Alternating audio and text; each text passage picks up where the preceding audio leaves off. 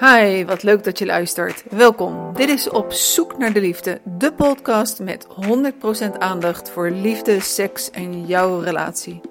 Mijn naam is Annette Burgers. Ik ben relatietherapeute bij U2 Coaching en stiefcoach bij Stiefgoed Den Haag West. Vandaag in de serie Op Zoek naar de Liefde, geen seks, wat nu? Aflevering 8 met daarin Rick van Lunsen. Rick van Lunsen werd in de jaren 80 de allereerste fulltime seksuoloog van Nederland. En ja, zelf heeft hij de liefde gevonden. Zij zijn maatjes en minnaars. Volgens Rick lijden we bijna allemaal aan volksziekte nummer 1 in Nederland: het Forever Young syndroom. Het leven is nooit ideaal, zegt hij, en zorg dat je flexibel blijft. Als ik hem vraag of het bij vrouwen ook gaat over klaarkomen, is Rick enorm duidelijk. Vraag maar aan je vriendinnen. Willen ze liever een vrijpartij met klaarkomen of zonder? Wil jij jouw partner verrassen met een heel leuke date night met het erotische spel Ultiem Verlangen van Tease and Please? Stuur dan een mail naar info@youtubecoaching.nl en geef aan wie jij wilt verrassen en waarom. Misschien ontvangen jullie ultiem verlangen en heb je gegarandeerd een bijzonder leuke avond. Luister naar deze masterclass met Rick van Lunsen. Dit is Op zoek naar de liefde, geen seks, wat nu? En mijn gast in zijn huis, een prachtig huis, is Rick van Lunsen. Met een koninklijke onderscheiding heb ik gisteren gelezen. Je bent arts, seksuoloog, supervisor, hoofdopleider, auteur onder andere van dit boek. En je bent nog veel meer in in het leven uiteindelijk. Wat is voor jou het belangrijkste wat op je cv staat? Uh, dat is meteen een ingewikkelde vraag. Uh, ik denk twee dingen. Uh, de eerste plaats dat het me met vallen en opstaan gelukt is om seksologie binnen een aantal onderwijsinstellingen echt voeten aan de grond te geven. binnen het medisch curriculum, binnen de psychologiefaculteit een aantal andere opleidingen. Uh, dat is één. En twee is dat ik samen met Ellen Laan, met wie ik uh, dat boek ook heb geschreven, uh, erin geslaagd ben om samen een afdeling op te zetten waarbij we echt voet aan de grond hebben gekregen binnen de geneeskunde. zowel het medisch onderwijs, maar vooral ook de integratie van, van de seksologie in de zorg. Uh, en daarnaast uh, vruchtbare samenwerking als het gaat om wetenschappelijk onderzoek. dus ja, ik denk dat we daarin geslaagd zijn om van de seksologie een vak te maken. Dat was het nooit. toen ik begon en me voor het eerst seksoloog durfde te noemen in 1987. Ik werd toen hoofd van de afdeling seksologie, dus ja, dan ben je kennelijk seksoloog. Uh, toen was ik de enige fulltime seksoloog in Nederland. Uh, er bestond geen opleiding, er bestond geen uh, registratie met kwaliteitscontrole. Dat was er allemaal niet. Kijk, iedereen mag zich seksoloog noemen, ook als je een cursus van een, een achternamiddag hebt gedaan. Uh, maar de huidige opleiding seksologie, dan doen, de meeste mensen er vijf jaar over uh, om uh, naast hun basisdiscipline, en die basisdiscipline is dan geneeskunde of GZ-psychologie, om uiteindelijk te komen tot integratie van kennis en, en competenties, gekenmerkt door gelijktijdige aandacht voor de lichamelijke, psychische en contextuele, maatschappelijke en relationele factoren. Uh, en dat is ook typisch voor de Nederlandse seksologie geworden. Een biopsychosociale benadering. En, uh, als er problemen zijn rond seks, is het nooit alleen psychisch, is het nooit alleen re relationeel, is het nooit alleen lichamelijk. Er speelt altijd een, uh, een aantal factoren mee. En de kunst als seksoloog is om er een beetje achter te komen wat nou de samenhang tussen die factoren zijn, wat oorzakelijke factoren van het probleem zijn, wat instandhoudende factoren van het probleem zijn en wat misschien oplossingen zijn. Uh, dus ja, ik denk dat ik mag zeggen dat ik heb bijgedragen aan de ontwikkeling van de seksologie als, als professie. Ja, en verder zijn er, ja, god, uh, hoe langer je werkt, hoe langer je cv wordt. Ja, ik ga je even onderbreken van hoe langer je, je werkt, hoe langer je cv wordt. Maar kan jij je nog herinneren van ergens was je een jongetje, had je misschien wel of geen idee wat je wilde worden. Maar wat maakt nou dat jij uiteindelijk deze richting op gegaan bent? Nou, dat, dat begint eigenlijk al bij twee dingen. Uh, mijn grootvader was een onderwijzer. Uh, een hele bijzondere onderwijzer, want hij is de enige na Jan Lichthart die het uh, meer dan 30 jaar heeft volgehouden in de Schilderswijk in Den Haag. een zeer geliefde meester. Dus als ik daar op straat ook langs de hoeren liep, dan was het dagmeester. En, en, een verhalenverteller. Dus ik denk dat ik daar mijn passie voor onderwijs uh, vandaan had. Mijn vader was arts. en daar kwamen op een gegeven moment een aantal dingen toevallig samen. ik zat op de middelbare school in de hogere klasse midden in de jaren zestig. In Den Haag ook? In Den Haag, ja. De school van uh, Cotemie, de Dalton. De Dalton heb ik ook opgezeten. Oh ja? Ja, wat leuk. Uh, en in die tijd, nou ja, begonnen jongeren wat meer te experimenteren met seks. Uh, en dat ging ook best vaak mis. Uh, er werden meisjes zwanger. en op een gegeven moment werd er een vriendin zwanger. Niet van mij, maar van iemand anders. Wel goed dat je dat even bij zegt. En ja, die, die wilde en die, die, die kon, kon daar echt niet mee doorgaan. Uh, toen ben ik met mijn vader gaan praten. En er waren natuurlijk allerlei illegale wegen. Maar hij wist wel betrouwbare dokters. Uh, die de zwangerschap konden beëindigen. Uh, dus ik werd op mijn zeventiende een soort makelaar in abortus. Uh, dus op die manier een aantal mensen uit mijn omgeving kunnen helpen. en daar is denk ik het zaadje geplant van er is iets aan de hand met die seksuele gezondheid in Nederland. Ik schreef mijn scriptie in het Frans over abortus op de middelbare school. Uh, dat was een hele bijzondere school, dus je schreef ook een, uh, modern talenonderwijs en daar hoorde toen ook het schrijven van een scriptie bij. Ik ging geneeskunde studeren.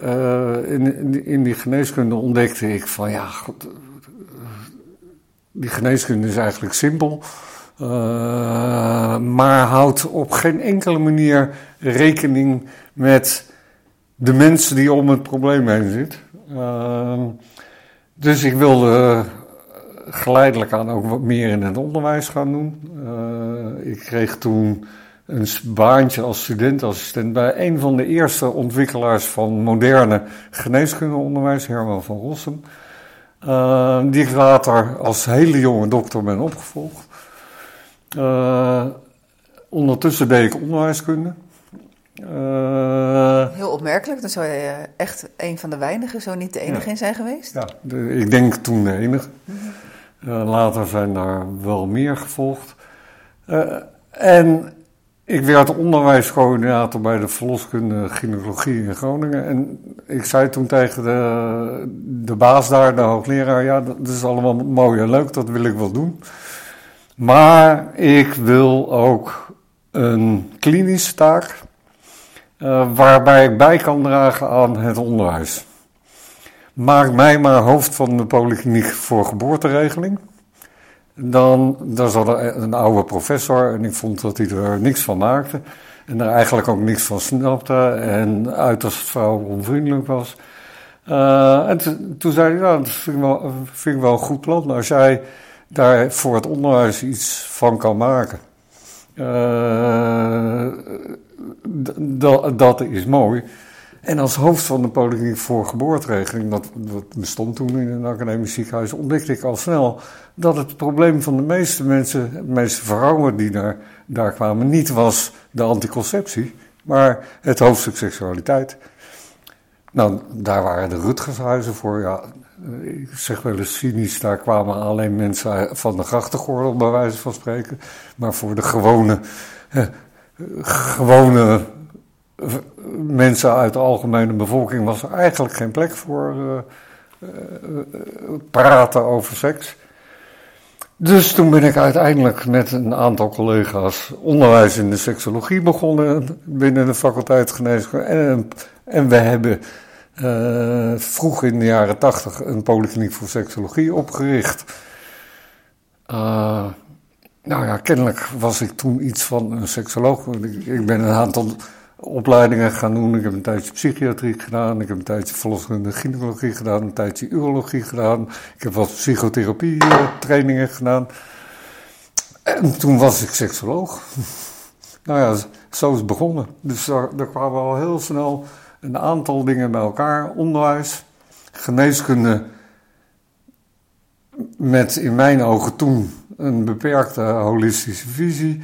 Uh, en seksuele gezondheid. Uh, dus nou, die drie dingen kwamen elkaar, bij elkaar en dat was een start van een lang verhaal. En in combinatie natuurlijk met je grootvader en met je vader. Ja. Hoe ben jij voorgelicht zelf als uh, jong broekie? in de, niet of nauwelijks. Maar wel met een, een soort moraal van uh, rond die seksualiteit zijn er veel te veel taboes. Daar hadden mijn ouders ook mee te maken gehad, want die waren uh, beide geboren in 1920. Uh, eh, die hadden een relatie vanaf hun achttiende. Toen brak de oorlog uit, kort daarna. Mijn vader studeerde, studeerde geneeskunde en dook uiteindelijk onder om aan de arbeidseinsatz te ontkomen. Mijn, mijn moeder en ik dus ook ben Joods.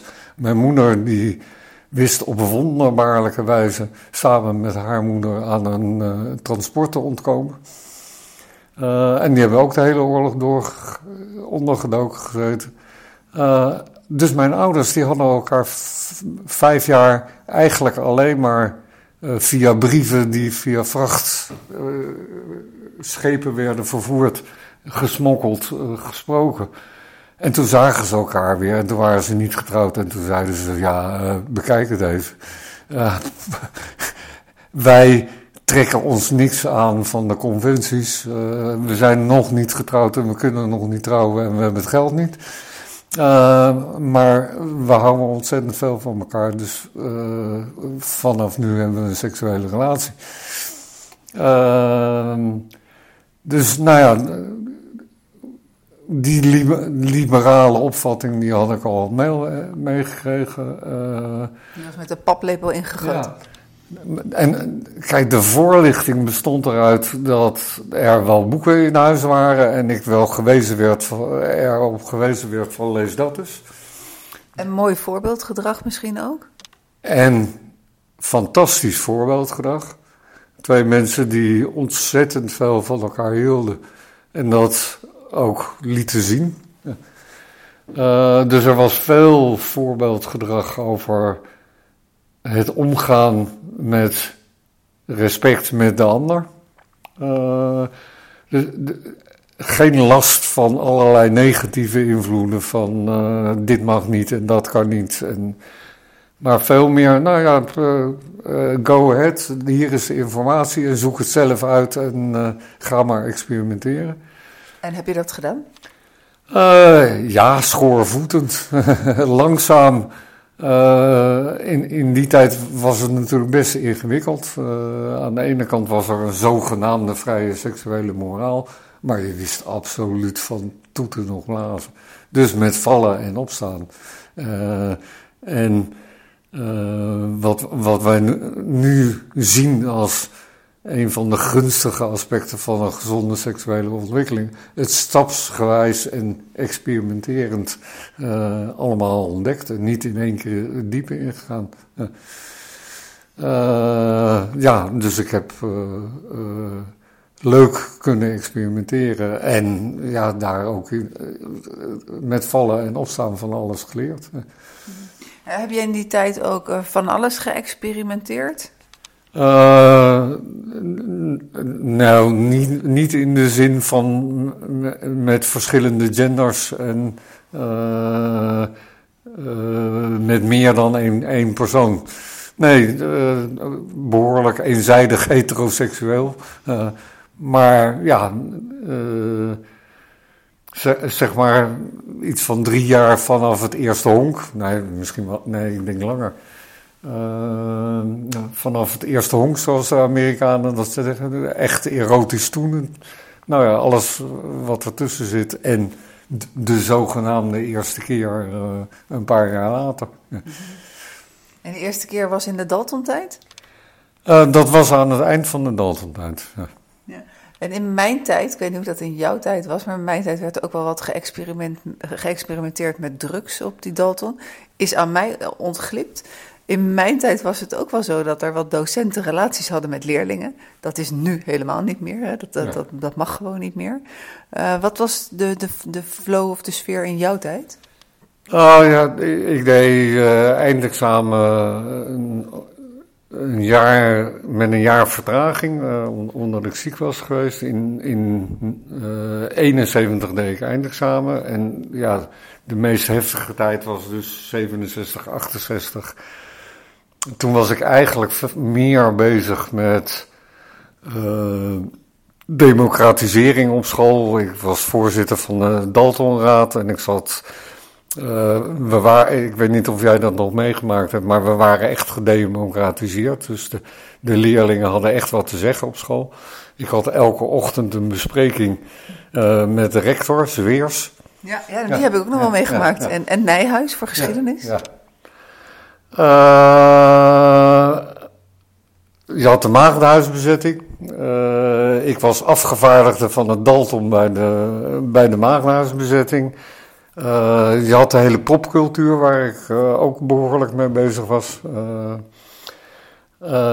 dus die seksualiteit die, die, die, kwam er een beetje bij. en ja, drugs, dat is wat overdreven, maar ik heb mijn eerste sticky op mijn veertiende gerookt. nooit heel heftig uh, en op, op, feestjes. En ja, natuurlijk hebben uh, dat, blowen en alcohol, maar ook niet overdreven veel, wel meegespeeld bij sommige seksuele ontmoetingen. Ja. ja. Uh, Rick, deze podcast heet Op zoek naar de liefde. Heb jij de liefde in je leven gevonden? Uh, ja, uh, ik ben al bijna 25 jaar samen met, nee wat zeg ik, bijna 30 jaar samen met mijn partner. En ja, we, we, zijn gek op elkaar en onze relatie is alleen maar sterker geworden door uh, wat hommels onderweg.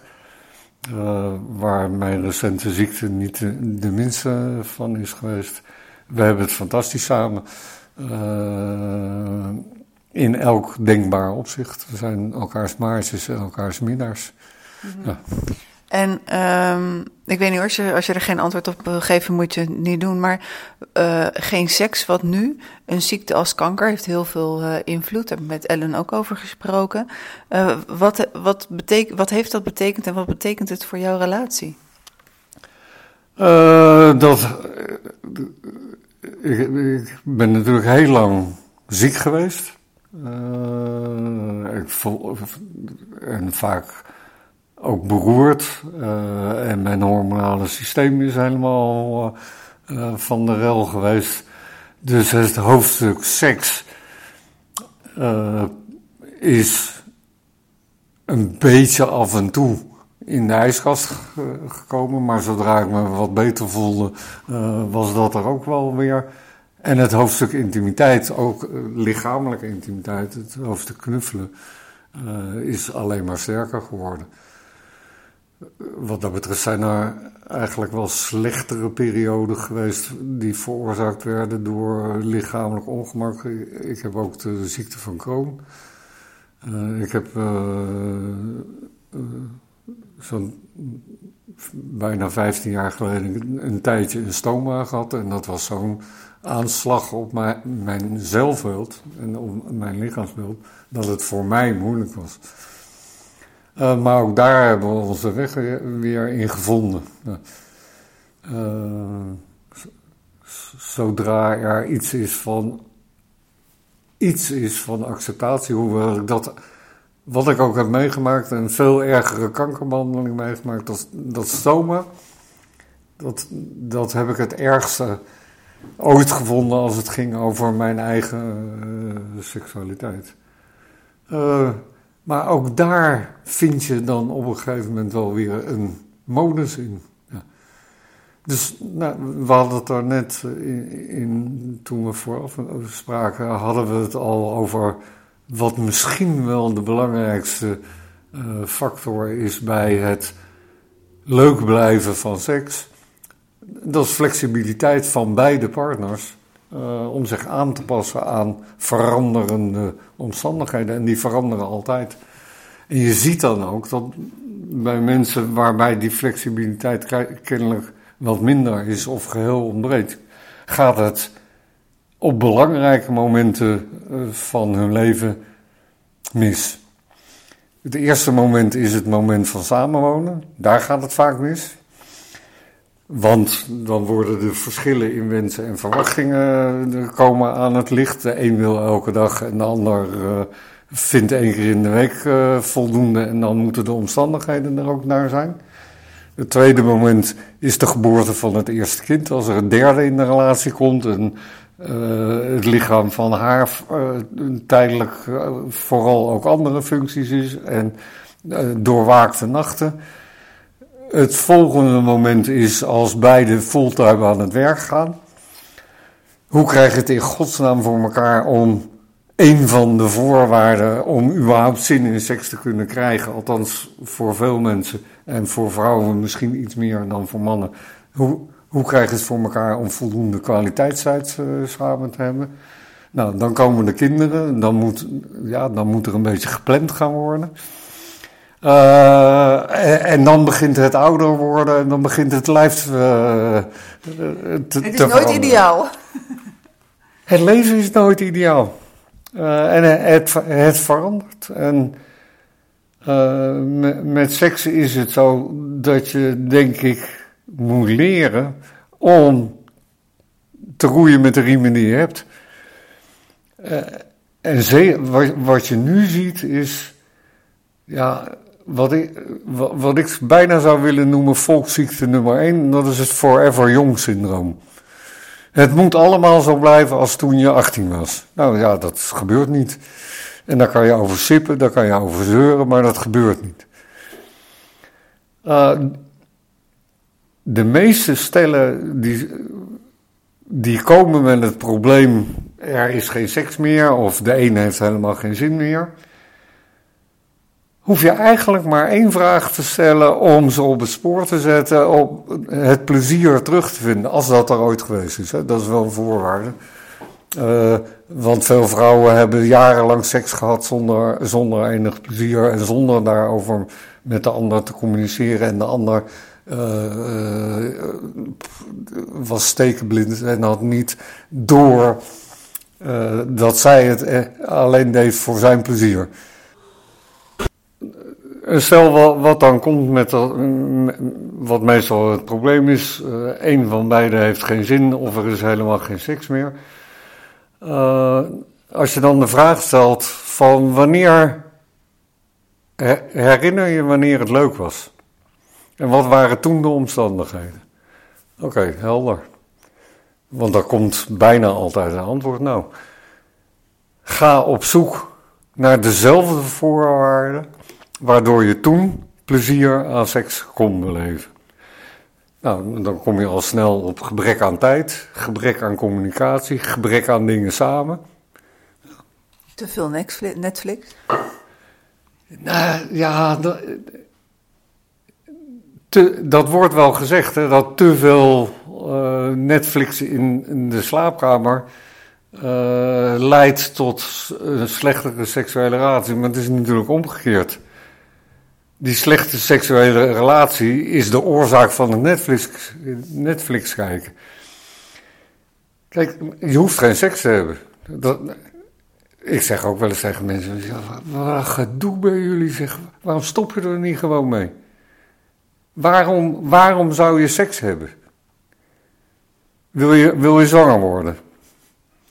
Nee, dat, las ik ergens in je boek of ergens. Iets anders wordt geschreven van de, uh, van, de, van de duizend keer dat je seks hebt, is het is misschien één keer voor de voortplanting. Ja, ja de, er is een beroemde Engelse, uh, Keynesiaanse uh, econometrist. Die heeft berekend op alles wat we weten over menselijk seksueel gedrag. Dat minder dan één op de duizend menselijke seksuele handelingen gericht is op voortplanting. Kijk, eigenlijk, eigenlijk kun je zeggen, er zijn maar twee zinnige doelen voor seks. Plezier. En plezier bestaat eigenlijk voor de meeste mensen uit de combinatie van twee dingen. En dat maakt het zo, vaak zo ingewikkeld. Namelijk aan de ene kant lust, waarvan je kunt zeggen, ja, dat is volstrekt egoïstisch. En aan de andere kant verbinding. Dat is precies wat seks, zo, eh, seks met een ander, voor seks in je eentje geldt dat niet. Uh, die tweede niet, nee. Nee. Wat, wat seks zo ingewikkeld maakt. En, en wat, waar heel veel mensen ook niet in slagen om een evenwicht te vinden in dat hoofdstuk verbinding en het hoofdstuk seksualiteit. Dus plezier is het enige zinnige doel en het andere zinnige doel is voortplanting. Nou, voor plezier hoeft er geen penis in de vagina. Er zijn duizend en één andere dingen. En uh, penis en vagina seks, als dat het enige is, is voor de meeste vrouwen niet het meest stimulerende. En voor voortplanting hebben we tegenwoordig niet, niet altijd meer penis en vagina seks nodig. Nou, tegenwoordig, als je slim bent, zou je dat altijd kunnen oplossen. Want de enige voorwaarde uh, voor zwanger worden is dat er voldoende levende zaadcellen in, op het goede moment in het slijm van de baarmoedermond terechtkomen. Nou, dat hoeft niet via een penis, dat kan je ook uh, op een andere manier zelf inbrengen. Dus de vraag is vaak vooral: waarom zou jij seks willen hebben? Ja, om de ander te plezieren. Ja, uh, onzin. Voor je eigen plezier en de ander ook voor het eigen plezier. Dus je moet op elkaar leren afstemmen. Wat zijn voor jou de voorwaarden voor plezier en wat zijn voor mij? En we leven nog steeds in een maatschappij waarbij de regie in handen is genomen en gegeven aan een van beide partijen, meestal de man. Nou, die mannen die weten niks. Die weten niet wat voor haar de voorwaarden zijn om zin te kunnen krijgen. Die weten niet wat voor haar de voorwaarden zijn om leuke seks te hebben. En zij zegt het niet. Ik zeg tegen mijn studenten altijd: seks is super simpel. Seks is maar drie dingen: stimulus, er moeten prikkels zijn, er moet je moet uitgelokt worden. Er moeten gedachten zijn, gevoelens, beelden, whatever. Die het seksuele systeem op aan kunnen zetten. Er moet context zijn. Stimulus, context de, de omstandigheden moeten geschikt zijn. Kijk, ons seksuele apparaat wordt 40, 50, 60 keer per dag eventjes aangezet. Maar meestal schakel je onbewust weer uit, want ja, de omstandigheden zijn er niet naar. Dus de omstandigheden moeten gunstig zijn. En er moet gecommuniceerd worden, direct of indirect, over wat zijn jouw wensen en grenzen. Dus seks is stimulus, context en communicatie. En dat is met elke partner weer anders. Bij elke partner weer is het opnieuw uitvinden. Sterker nog, het is niet alleen bij elke partner anders, het is elke dag anders. Je hoort mensen ook wel eens zeggen: Ja, ik weet wel wat de ander lekker vindt. Ja, wat is er nou voor onzin? Als je weet dat iemand spruitjes lekker vindt, dan vraag je toch: Heb je vandaag ook zin in spruitjes? En als die ander geen spruitjes lust, is die ander soms bereid om een cadeautje te geven. Nou ja, oké, ik weet dat jij vandaag spruitjes uh, uh, wil. Ik hou er niet zo van, maar Allah, laten we. Uh, één keer vind ik best. Maar drie dagen achter elkaar spruitjes. Dat komt je neus uit. Dat komt je neus uit. En dus is het logisch dat heel veel vrouwen meer dan mannen de manier waarop ze seks hebben op den duur de neus uitkomt. En daar komt dan nog bij, als er gebrek is aan intimiteit en communicatie op andere momenten, als mogelijke voorwaarde om überhaupt zin te kunnen krijgen, ja, dan is het helemaal mis. Dus het is ingewikkeld, uh, maar eigenlijk gaat het altijd om een strijd onuitgesproken over verschil in voorwaarden, verschil in verlangen en verschil in manieren. En, en, wat je ziet is dat mensen dan geneigd zijn om het verschil uit te vergroten. Daar komt de aandacht op, maar ze hebben niet de flexibiliteit om te kijken van hoe komen we nou ergens uit bij een middenweg waarbij beiden plezier hebben. Uh, nou ja, dat brengt ons tot een andere uh, one-liner. Doe het met plezier of doe het niet. Uh, in plaats van sikkeneurig te gaan staken. want dat is bijna altijd de situatie bij geen zin problematiek. Ja, de een aan de voorwaarden van de een zijn zo lang niet voldaan dat dat per definitie eindigt in zin.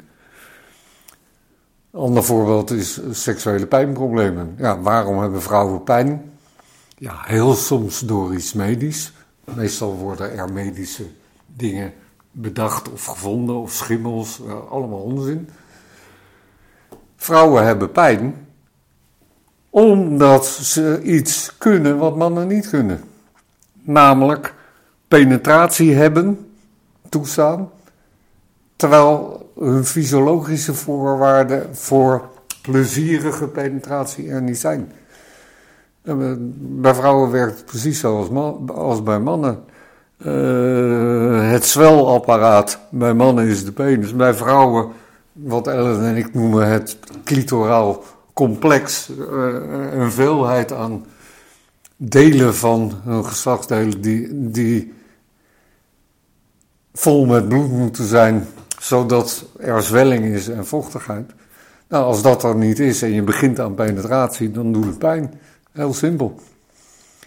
Ja, het, doet vaak zo pijn en dan gaan ze naar de dokter en de dokter die gaat dokteren. En dan komen er allerlei pseudomedische oplossingen. Maar het probleem is simpel.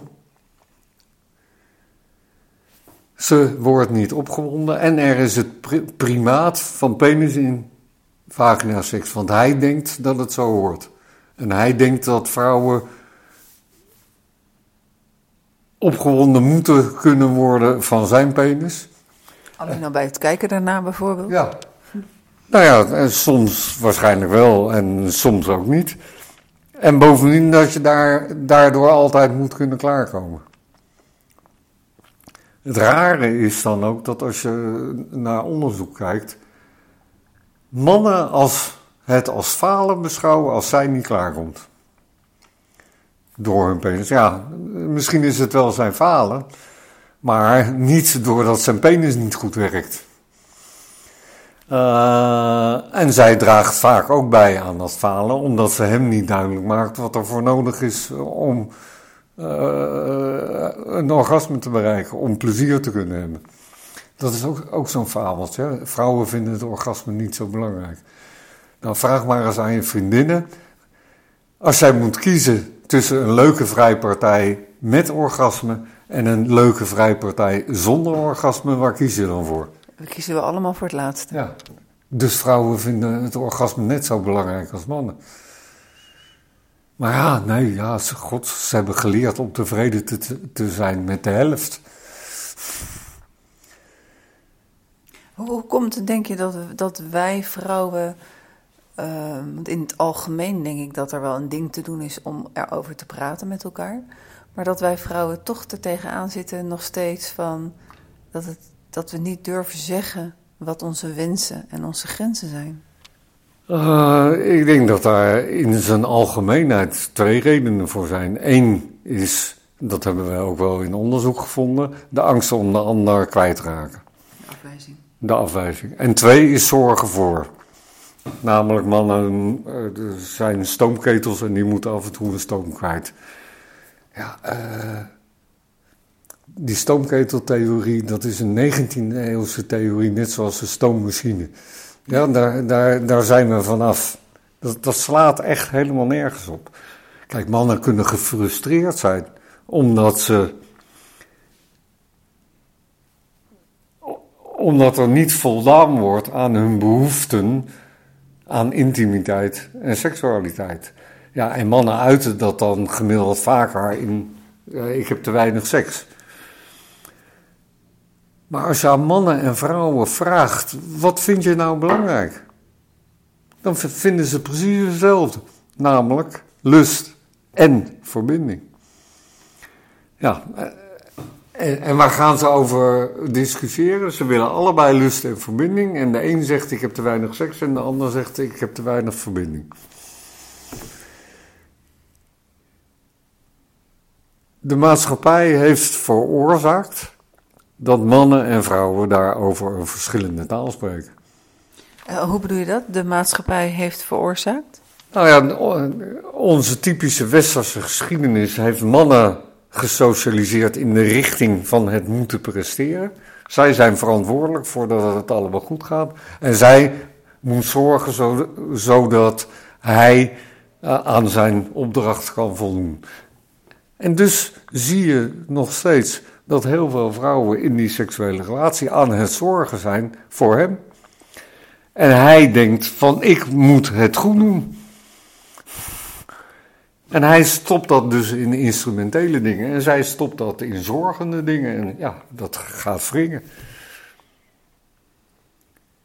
Ja, eigenlijk is het ook wel een soort van de hogere wiskunde binnen de relatie. Dat dit allemaal goed loopt naar behoeften van beide kanten. Het is een hogere wiskunde, het is super simpel. Alleen mensen slagen er kennelijk vaak niet in om duidelijk te maken wat zij vinden, wat zij voelen. En dat tegen elkaar te leggen en dan te kijken van waar komen we dan met z'n tweeën uit. En dat, en, en dat komt ook, dat is ook iets wat je in de spreekkamer dan heel vaak ziet, is dat ze voor elkaar denken. Hij zal wel denken dat, zij zal wel denken dat, dus, ja, en in de helft van de gevallen hebben ze het mis. Ik, ik zeg ook heel vaak, wat zeg je nou? Zeg jij dat je gedachten kan lezen? Dat kan niet. Als je ergens niet zeker over bent, vraag het dan.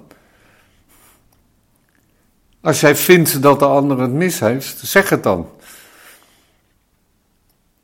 Vaak,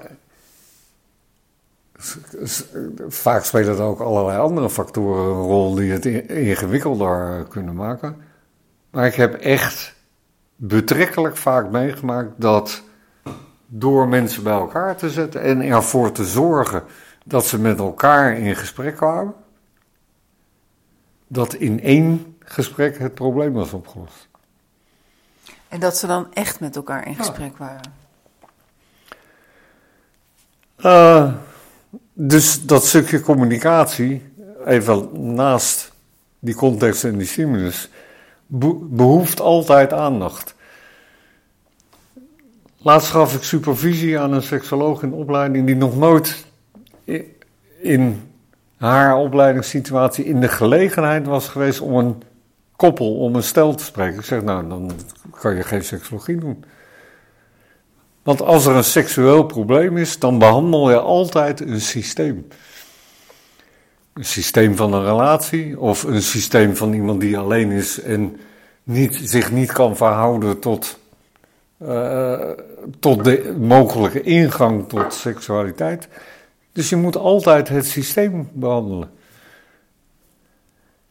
Seksuele problemen zijn nog nooit, zijn nooit een individueel probleem. Ik heb nog nooit iemand op mijn spreker gezegd die zei van, nou, ik heb geen relatie en ik hoef ook geen relatie, maar ik heb een seksueel probleem. Uh, en, met relatie bedoel ik dan, ik hoef niet een ontmoeting. Hè. Wat mij betreft is een, een one-night stand is ook een relatie. Een relatie voor een dag, een avond. Ja, ja. Uh, mensen zijn relationele uh, wezens. Je ziet dan ook, er zijn natuurlijk mensen die hebben een levensstijl die bestaat uit een soort splitsing tussen uh, wat wij noemen het affectieve en het seksuele domein. Die seks hebben met van alles en iedereen. En intieme relaties hebben met mensen waar ze geen seks mee hebben. Nou, sommige mensen kunnen daar een leven lang tevreden over zijn, maar de meeste niet. De meesten zullen op een gegeven moment zeggen: Ik wil dat die dingen bij elkaar komen.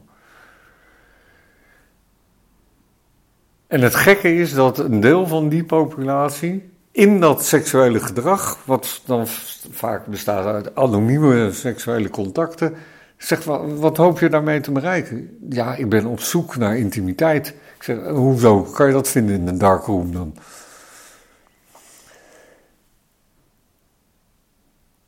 Ik denk dat dat vaak wordt onderschat. En is ook iemand die dat heel nadrukkelijk elke keer zegt. In die seks gaat het om die twee componenten. En als, het, als een van die twee componenten er niet is, wordt het ingewikkeld. En wat je daarvoor nodig hebt, is waar we het eh, in het begin van dit gesprek al een beetje over hadden, namelijk een warm en veilig nest waar je uitkomt en waar bijvoorbeeld gedrag rond relaties, intimiteit en seksualiteit eh, positief is geweest. En je bovendien de positieve boodschap hebt gekregen: seks is plezier. En ga op zoek naar het plezier zonder anderen te beschadigen. Dat is, dat is eigenlijk het enige wat een mens nodig heeft in de seksuele opvoeding. Ja, en verder een brein wat in staat is uh, om te communiceren. En voor iemand met ernstig autisme is het een stuk ingewikkelder. En een lijf waar je eh, tevreden over bent en een gender identity waar je mee overweg kunt. Als die componenten er zijn, dan hoef je je geen zorgen te maken. Ik zeg tegen ouders ook al, als jij zorgt voor een veilig nest en positieve boodschappen over liefde, intimiteit en seksualiteit, dan komt het goed. Maar Rick, in mijn spreekkamer kom ik heel veel tegen als ik dan vraag. Hè? Ook, we kijken ook systemisch. Ehm, wat heb je voor een voorbeeld gezien aan intimiteit bij je ouders? Dan, hebben ze het niet gezien. Nee, nee. Nou, dan is het antwoord, nou, oké, dan moet je dat nog leren. Dan moet je terug naar af. En waar jullie mee bezig zijn, is het scoren van doelpunt. Nee, je moet eerst leren spelen. Dus ik heb wel een therapiemodel voor je. En dan gaan we stapsgewijs aan de hand van huiswerkopdrachten eigenlijk terug naar dat eerste honk. We, we spelen nu dat jullie elkaar net kennen. Jullie zijn in het stadium van handje vasthouden. En dat doelpunt scoren, dat mag voorlopig niet. Dat mag pas. hoe lang mogen ze dat niet van je? Nou, uh, totdat ze er klaar voor zijn. Meestal, meestal is dat als ze zelf de regels gaan overtreden en het daarover eens zijn. Ja, ja. Zo, dat is een mooi moment als ze samen stiekem dan. Ja. eh, ja. van Rick mag het niet, maar zullen we. Hoe, hoe- hoe is het gegaan? Nou ja, eigenlijk niet zo goed. Hoezo niet? Vertel eens. Ja, we hebben eigenlijk iets gedaan wat niet mocht. Dus, oh, en was het leuk? Gefeliciteerd. En nu komt het moeilijke. Nu denken jullie Dat je het bent. dat je er bent. En nu begint het pas. Nu moeten jullie gaan kijken van hoe houden we dit in stand? Nou ja, en dan komen die factoren waar we het er net over hadden. Communicatie, flexibiliteit en variabiliteit. Het is een mooi sprongetje, Rick. Jij zegt net hè, van we hebben een relatie van 30 jaar. Hoe hou je op alle gebieden, maar vooral op het seksuele gebied, hoe hou je de relatie spannend en naar beide, naar, voor beide tevredenheid? Je denkt dat ik dat weet? Ja. Nee. Eh, Ja, jullie zijn er in ieder geval wel in die 30 jaar. Je bent nog steeds samen. Ja. Eh, vooral door veel dingen samen te doen. Veel kwaliteitstijd te hebben. En binnen die kwaliteitstijd kom je elkaar dus tegen en communiceer je over van alles. Eh, en dat gaat wel eens beter dan, en dat gaat wel eens minder goed. En dan is er af en toe een hobbel. En dan knalt het even en dan is het weer opgelost. Eh tegen stellen waarbij het op de een of andere manier is vastgelopen, is, zeg ik ook van in, hoeverre voldoe jij aan wat ik wel eens noemde de voorwaarden voor een kwalitatieve relatie. En zeker als het moeilijk gaat. Op het, op het moment dat het moeilijk gaat, zul je twee beslissingen moeten nemen. Je moet ervoor zorgen dat je minstens een dagdeel per week kwaliteit tijd samen hebt. En je moet ervoor zorgen dat je minstens een, dagdeel per week kwaliteitstijd echt voor jezelf hebt. Zonder enige verplichting, zonder sociale verplichtingen ook. Nee, gewoon voor jezelf, dat je kan doen wat je wil. Als je er systematisch voor gaat zorgen dat je voldoet aan die twee voorwaarden en ondertussen mijn lessen volgt, dan komt het goed. Of niet. En daar komt in dat soort behandeling altijd, als het moeilijk gaat, een moment, oké. Dat ik eigenlijk zeg van jullie hebben vanaf nu drie opties. Of je gaat verdomme eindelijk eens aan het werk. Of je moddert zo door met voorspelbare afloop. Of je kapt meteen met de relatie. Kijk, daar komen natuurlijk ook mensen tot de conclusie van ja, er is eigenlijk niets. Maar ik denk aan de andere kant dat er ook veel mensen zijn die stoppen met een relatie omdat ze zijn vastgelopen en niet zien hoe ze dat moeten oplossen. Precies. En dan nemen ze een probleempje mee. Ja, en dan gebeurt in een volgende relatie precies hetzelfde. Dat zeg ik dan ook. Je kan er nu mee, mee kappen, maar ik garandeer je dat hetzelfde weer gaat gebeuren, want je snapt er geen hout van.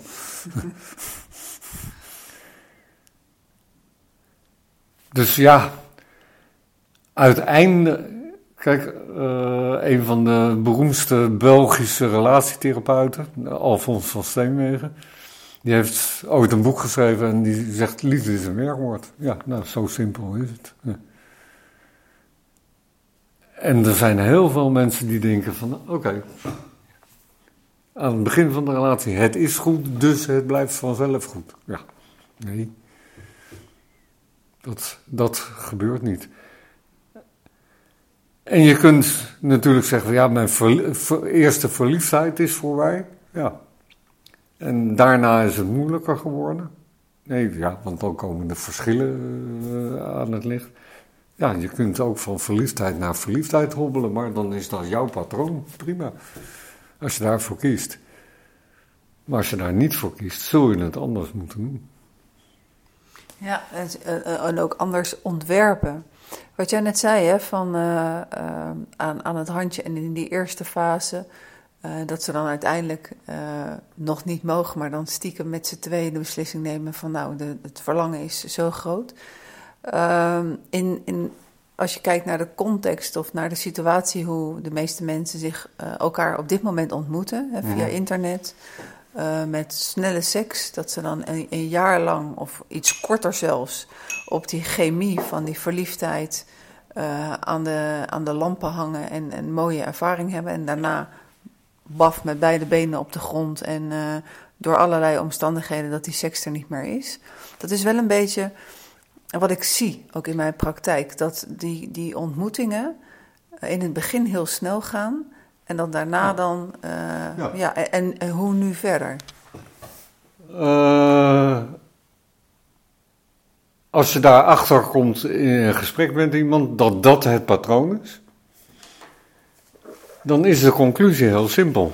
En dan zeg je dus eigenlijk van dat is dus het verkeerde patroon. En wat je hebt gedaan, is je hebt seks genomen als ingang naar intimiteit. Maar je moet het al omgekeerd doen. Spreek nou met jezelf af dat je geen seks hebt met iemand waarmee je date, voordat je een aantal andere dingen samen hebt gedaan. Zoals bijvoorbeeld? Nou ja, leuke dingen samen.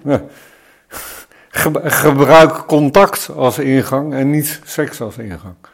Uh, en, en neem daar niet de eerste keer direct een beslissing over. Ja, tenzij je het leuk vindt om, uh, om, om het zo te blijven doen. Maar wat je aan het doen bent, is ja, god wat pubers doen. En als je wil ophouden met puberen, dan moet je gaan leren van de stappen die je maakt. Als je naar, naar het onderzoek kijkt, dan zie je ook dat alle aspecten van seksuele gezondheid, dus seksueel plezier, seksuele tevredenheid, uh, bescherming tegen ongewenste zwangerschap, bescherming tegen SOA en HIV, dat gaat allemaal beter bij die jongeren die een stapsgewijze seksuele interactiecarrière doorlopen. En als het begint met pad, boom, seks, dan heb je niks geleerd. Ja, dus je zult moeten leren om met vallen en opstaan daarin verder te komen. En het gedate met seks als ingang, ja, dat leidt uiteindelijk vaak nergens toe. Want het begint niet waar, bij het begin. Je hebt het over leren. Rick, eh, ze zijn op dit moment nog bezig met uh, onderhandelingen over een nieuw kabinet. Stel, ze hebben iemand gevonden op het uh, ministerie van de Liefde, gecombineerd met een stuk onderwijs. En ze willen jouw raad voor seksuele vorming, voorlichting, om een programma te maken voor scholen. A, ben ik bang dat de regering die we gaan krijgen, waarin partijen zitten die een volstrekt antiseksueel standpunt hebben, mij dat niet gaan vragen. In mijn ideale wereld. uh, maar als ze het wel zouden vragen, zou ik erop aandringen om iets te gaan doen waarvan nu eindelijk het begin zichtbaar is. Namelijk elke seksuele vorming richten op basis van de plezierboodschap. En niet op wat ik ooit heb genoemd en wat, wat ik nu gelukkig op veel plaatsen terug hoor op gericht op rampenbestrijding. De manier waarop wij in Nederland seksuele voorlichting de afgelopen 20, 25 jaar hebben gedaan, tot voor kort, was alsof we een ziekte moeten bestrijden. Pas op voor enge mannen, pas op voor ongewenste zwangerschap en pas op voor uh, geslachtsziekten. Dat is wat de meeste mensen die nu, nou ja, zeg maar 20, eh, tussen de 20 en 25 jaar zijn, als je ze dat vraagt, ook herinneren van hun seksuele opvoeding. Was er ooit iemand die jou een beetje wegwijs maakt in hoe ontdek je nou seksueel plezier. Het is goddomme 2021 en dit jaar is voor het eerst een biologie school boek op scholen verschenen waarin dat clitorale complex bijna juist staat weergegeven. En op veel scholen van christelijke, eh, op christelijke grondslag zijn die boeken in de bal gedaan.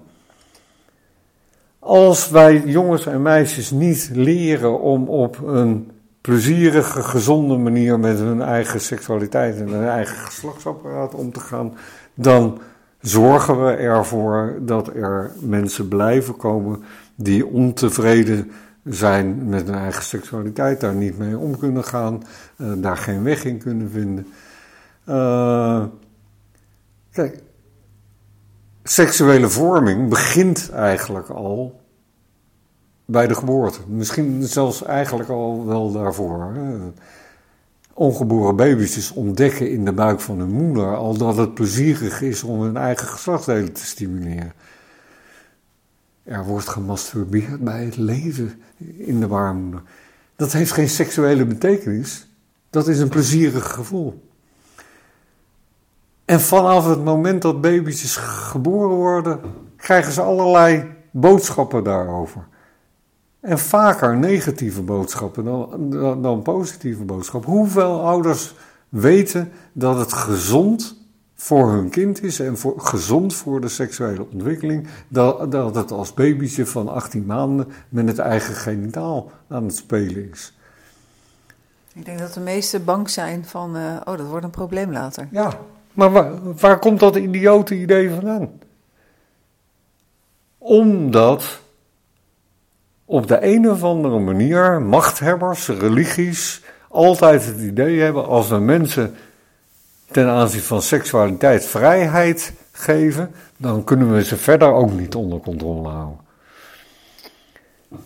En alles is er altijd op gericht geweest om die seks te controleren.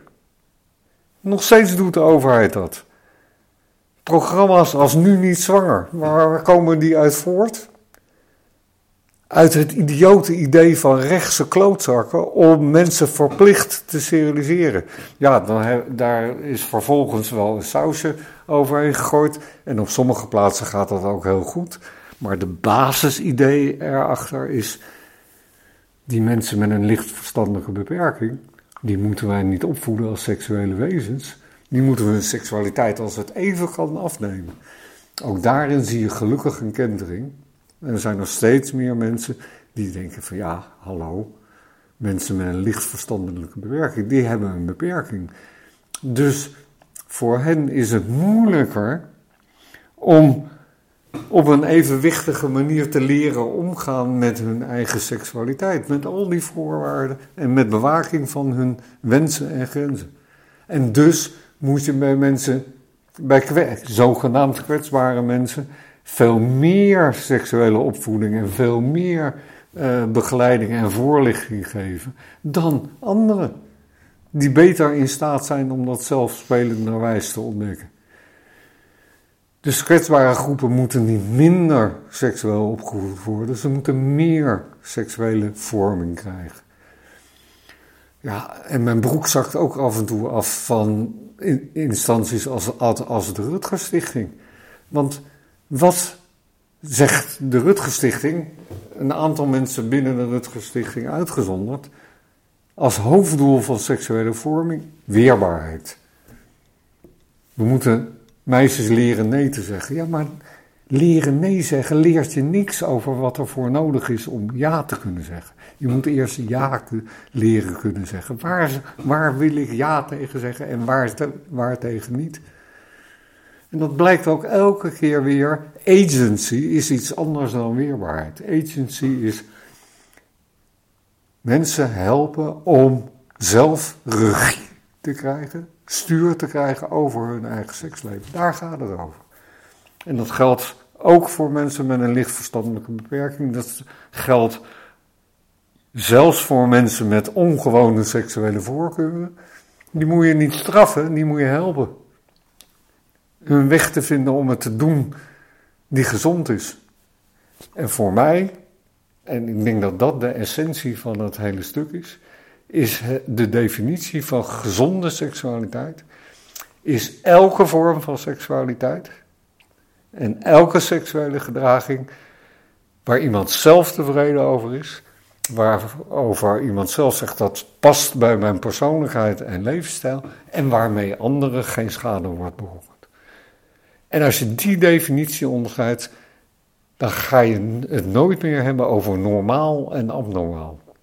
Alles is normaal wat gezond is. En zelfs de meest bizarre dingen kunnen gezond zijn als mensen daar tevreden over zijn en andere dingen, andere mensen geen schade mee berokkenen. Maar we zijn daar nog wel een beetje ver van af voordat dat. Dat zeg je heel voorzichtig. Voordat dat gemeengoed gaat worden, maar dat is onze missie. Hou eens op met seksualiteit te pathologiseren. Hou eens op met vrouwen uh, als zieken te behandelen als ze ontevreden zijn over hun seksualiteit. Hou, hou er eens mee op om als enige doel van de behandeling van seksuele problemen van mannen uh, te formuleren dat, dat hun penis ergens in moet kunnen.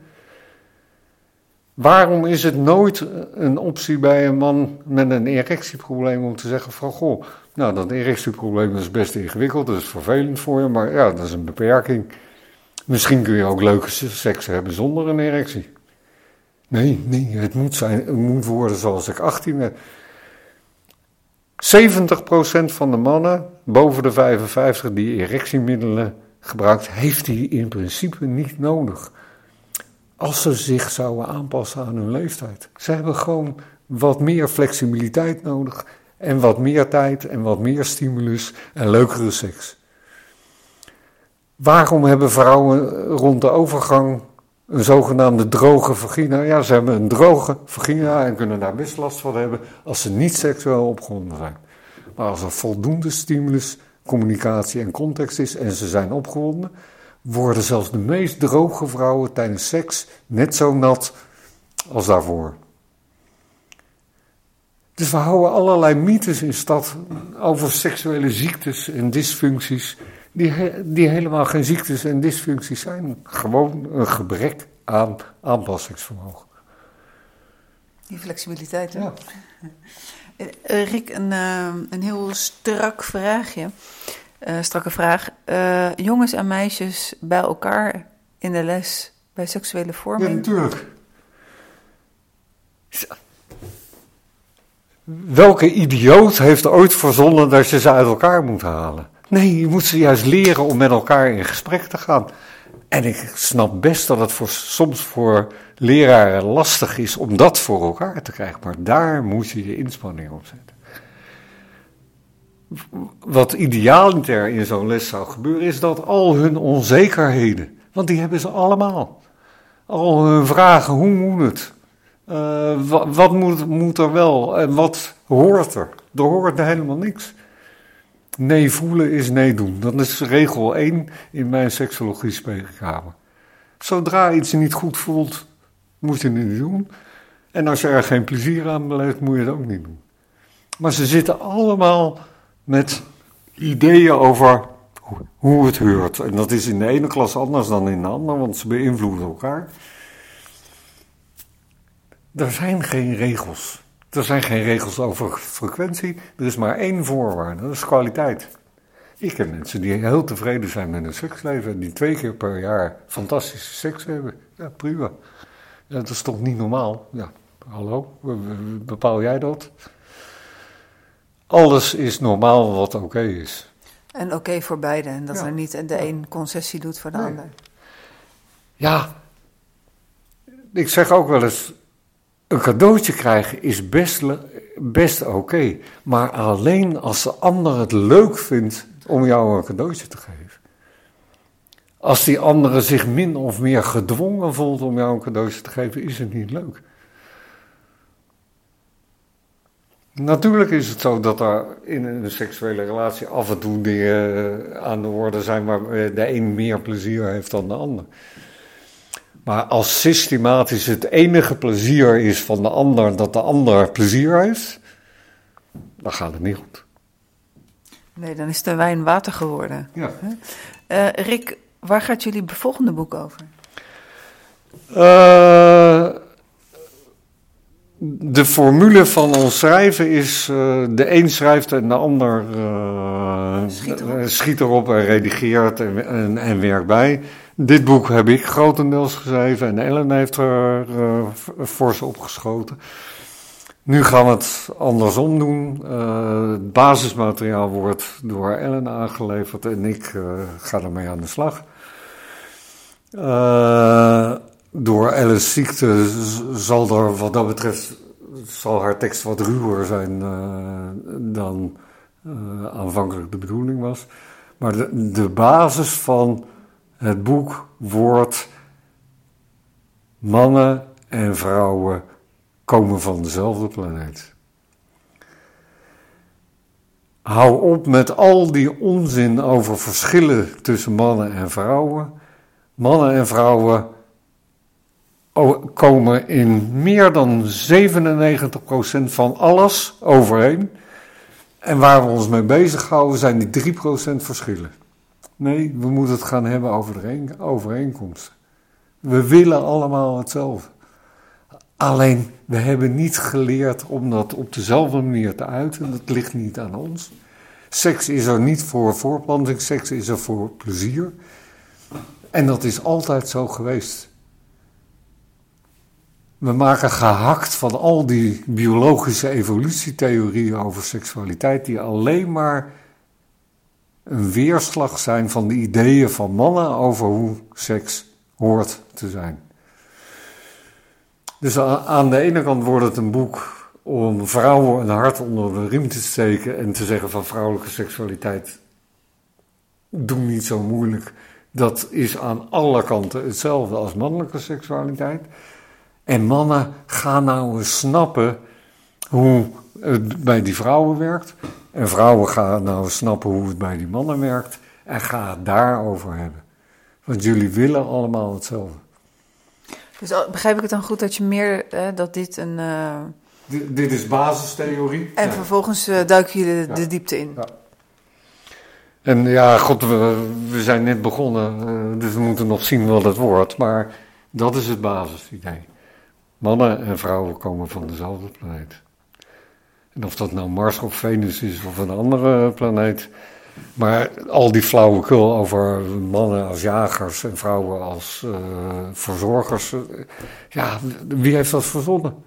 Dat slaat helemaal nergens op als je, als, je in de antropologie kijkt zijn er van de oervolken, ja, dus overal waren rollen anders verdeeld. Maar het is niet zo dat er typische vrouwenrollen zijn en typische mannenrollen. Net zoals de discussie nu in de maatschappij, hoe zo mannen uh, in bepaalde beroepen en vrouwen in bepaalde beroepen. En verschillende salarissen. En verschillende salarissen. Ja, dat is terecht natuurlijk. Rick, we gaan zo'n beetje naar de afronding toe van, uh, van ons gesprek. Welke vraag heb ik je niet gesteld?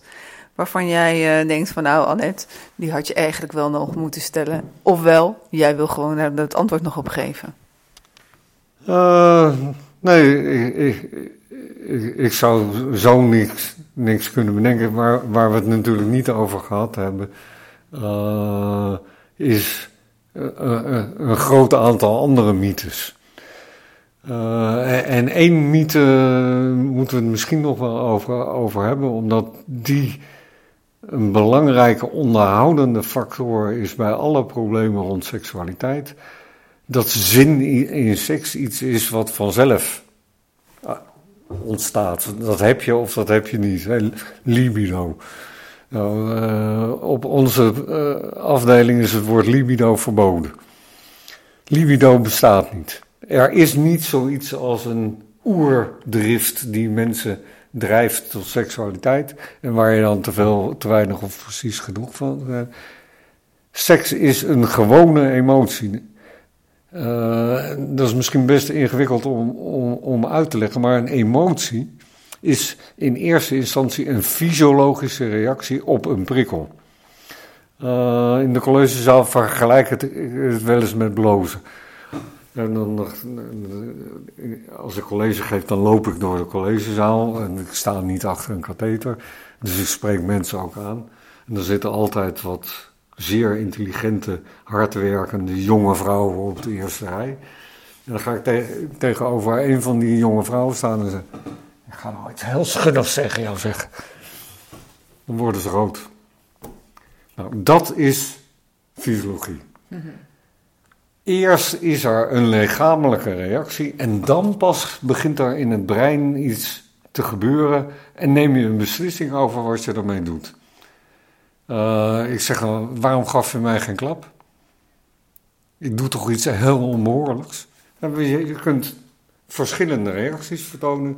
Je kunt fight, flight, bij die rare van Lunsen ga ik geen college meer geloven, en freeze. Dat is wat er meestal dan gebeurt. Maar de roodheid is er het eerst. En de beslissing om daar iets mee te gaan doen, wordt daarna op voorbewust of onbewust niveau genomen. En zo is het met seks ook. Als er een seksuele stimulus is, als jij een prikkel ontvangt die jouw brein percipieert als iets seksueels, is het zo dat er binnen 40 tot 100 milliseconden, dus binnen een seconde, een lichamelijke reactie waarneembaar is, meetbaar is. In ons sekslab zien we dat alle mannen en alle vrouwen, wat dat betreft, op aangaan zodra we ze seksueel prikkelen. Als hun lichaam dat, dat kan. Dat betekent niet dat ze daar zin van krijgen. Ze krijgen pas zin en worden pas opgewonden eigenlijk eerst opgewonden en dan pas in, als ze de context en de stimulus waarderen. Dan neem je een beslissing, ik ga daarmee door. Dus zonder geschikte context en stimulus krijg je nooit zin. En bovendien, de zin kan wel eventjes opborrelen, maar je hebt pas zin, echt zin in iets, als er een beloning in het verschiet ligt. Denk je dat iemand die altijd pijn heeft bij het vrijen, zin kan hebben in seks? Nee, want er ligt straf te wachten. Ah, als er straf ligt te wachten, krijg je nooit zin. Als je gedwongen wordt spruitjes te eten en je lust niet, dan krijg je geen zin in spruitjes. Zeker niet als het de zevende keer in de week is. Precies, ja. Het is een zin heb je niet, maar kan je krijgen als er aan bepaalde voorwaarden is voldaan en er een beloning ligt te wachten. Nou, en die beloning is altijd hetzelfde: plezier. En plezier bestaat weer uit twee componenten: verbinding en lust. Ja. Nou, dat is, een mooi, het is helemaal mooi afgerond. Dankjewel, Rick. You're welcome. Nou, sorry, ik heb toch nog oh, één, één, één vraagje. Ja, nee, goed. Van, je bent bezig dan met dat boek uh, nog, met, met Ellen samen. Maar zijn er nog dingen waarvan jij zegt van, nou, die staan echt, die wil ik binnen een jaar, binnen vijf jaar, wil ik ook nog neerzetten? Nee, ik ben met pensioen, dus ik doe de dingen die ik leuk vind. En dit, dit vind ik niet alleen leuk, maar is ook een soort afronding van wat Ellen en ik met elkaar hebben afgesproken en waar nu helaas uh, een eind aan gaat komen. En verder blijf ik uh, een luis in de pels op, op allerlei fronten. Uh, waar wij beiden, Ellen en ik, ons zorgen over maken, is wie in Nederland gaan wat, dat, wat dit betreft echt de kaart trekken. Welke jonkies kunnen wij nog uh, een veer in hun kont steken, zodat ze net zo lastig worden als wij. Phoenix? Oh, bijvoorbeeld, ja. En ik weet niet of je haar ook kent, Sabine Meulenbelt? Ja, Sabine Meulenbelt vind ik fantastisch, maar die ontbeert de seksologische expertise. Die, die, is natuurlijk toch ook op een ander front bezig. Uh, ik denk dat die uh, een belangrijke bijdrage speelt. Nou, in de emancipatiebeweging. Maar we hebben ook mensen nodig die echt op dat academische niveau lawaai maken. Ja. En lawaai maken in het onderwijs, uh, nieuwe dingen doen, uh, onderzoek doen, een school maken. want, want dat is, is het vooral. Hè. Het, ook, ook daar is het een kwestie van en wetenschap en maatschappij en invloed en uh, allerlei mensen gaan prikkelen. En, ik, ben ontzettend blij met de golf aan jonge vrouwen die wat dit betreft gaan doen, maar er, er, is bijvoorbeeld geen man te vinden die op dit terrein echt wat doet. Kijk, ik denk dat we tevreden kunnen zijn uh, als je ziet hoeveel mensen die plezierboodschap zijn gaan overnemen. Ellen en ik hebben er echt 30 jaar over gedaan om uh, die boodschap een beetje voor het voetlicht te krijgen. En we werden erom verguisd. Ja, wat is dat nou, seksueel plezier? Een onzin. De Rutger Stichting heeft jarenlang geweigerd om het woord plezier in hun voorlichting over te nemen. En ik snap dat ook wel. Want wie zit er in Den Haag? En wie betalen eh, de Rutger Stichting? Dus ik snap ook wel dat ze ma moeten manoeuvreren in dat ingewikkelde veld.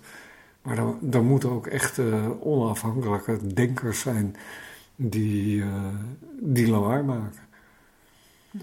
Ja, nou, dat is iets anders wat ik van vroeger meegekregen. Ik ben een vrijdenker en ja, met licht anarchistische trekjes. Ja.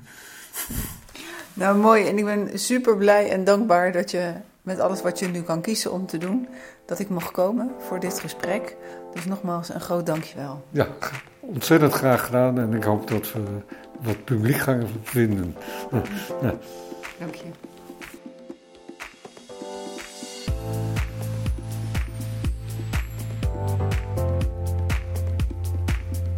Dit was Op zoek naar de liefde. Geen seks, wat nu? Met mij, Annette Burgers. En ik was in gesprek met Rick van Lunsen. Ik hoop dat je over twee weken ook weer luistert. Heb je vragen of opmerkingen? Stuur dan een mailtje naar info.youtubecoaching.nl En dankjewel voor het luisteren.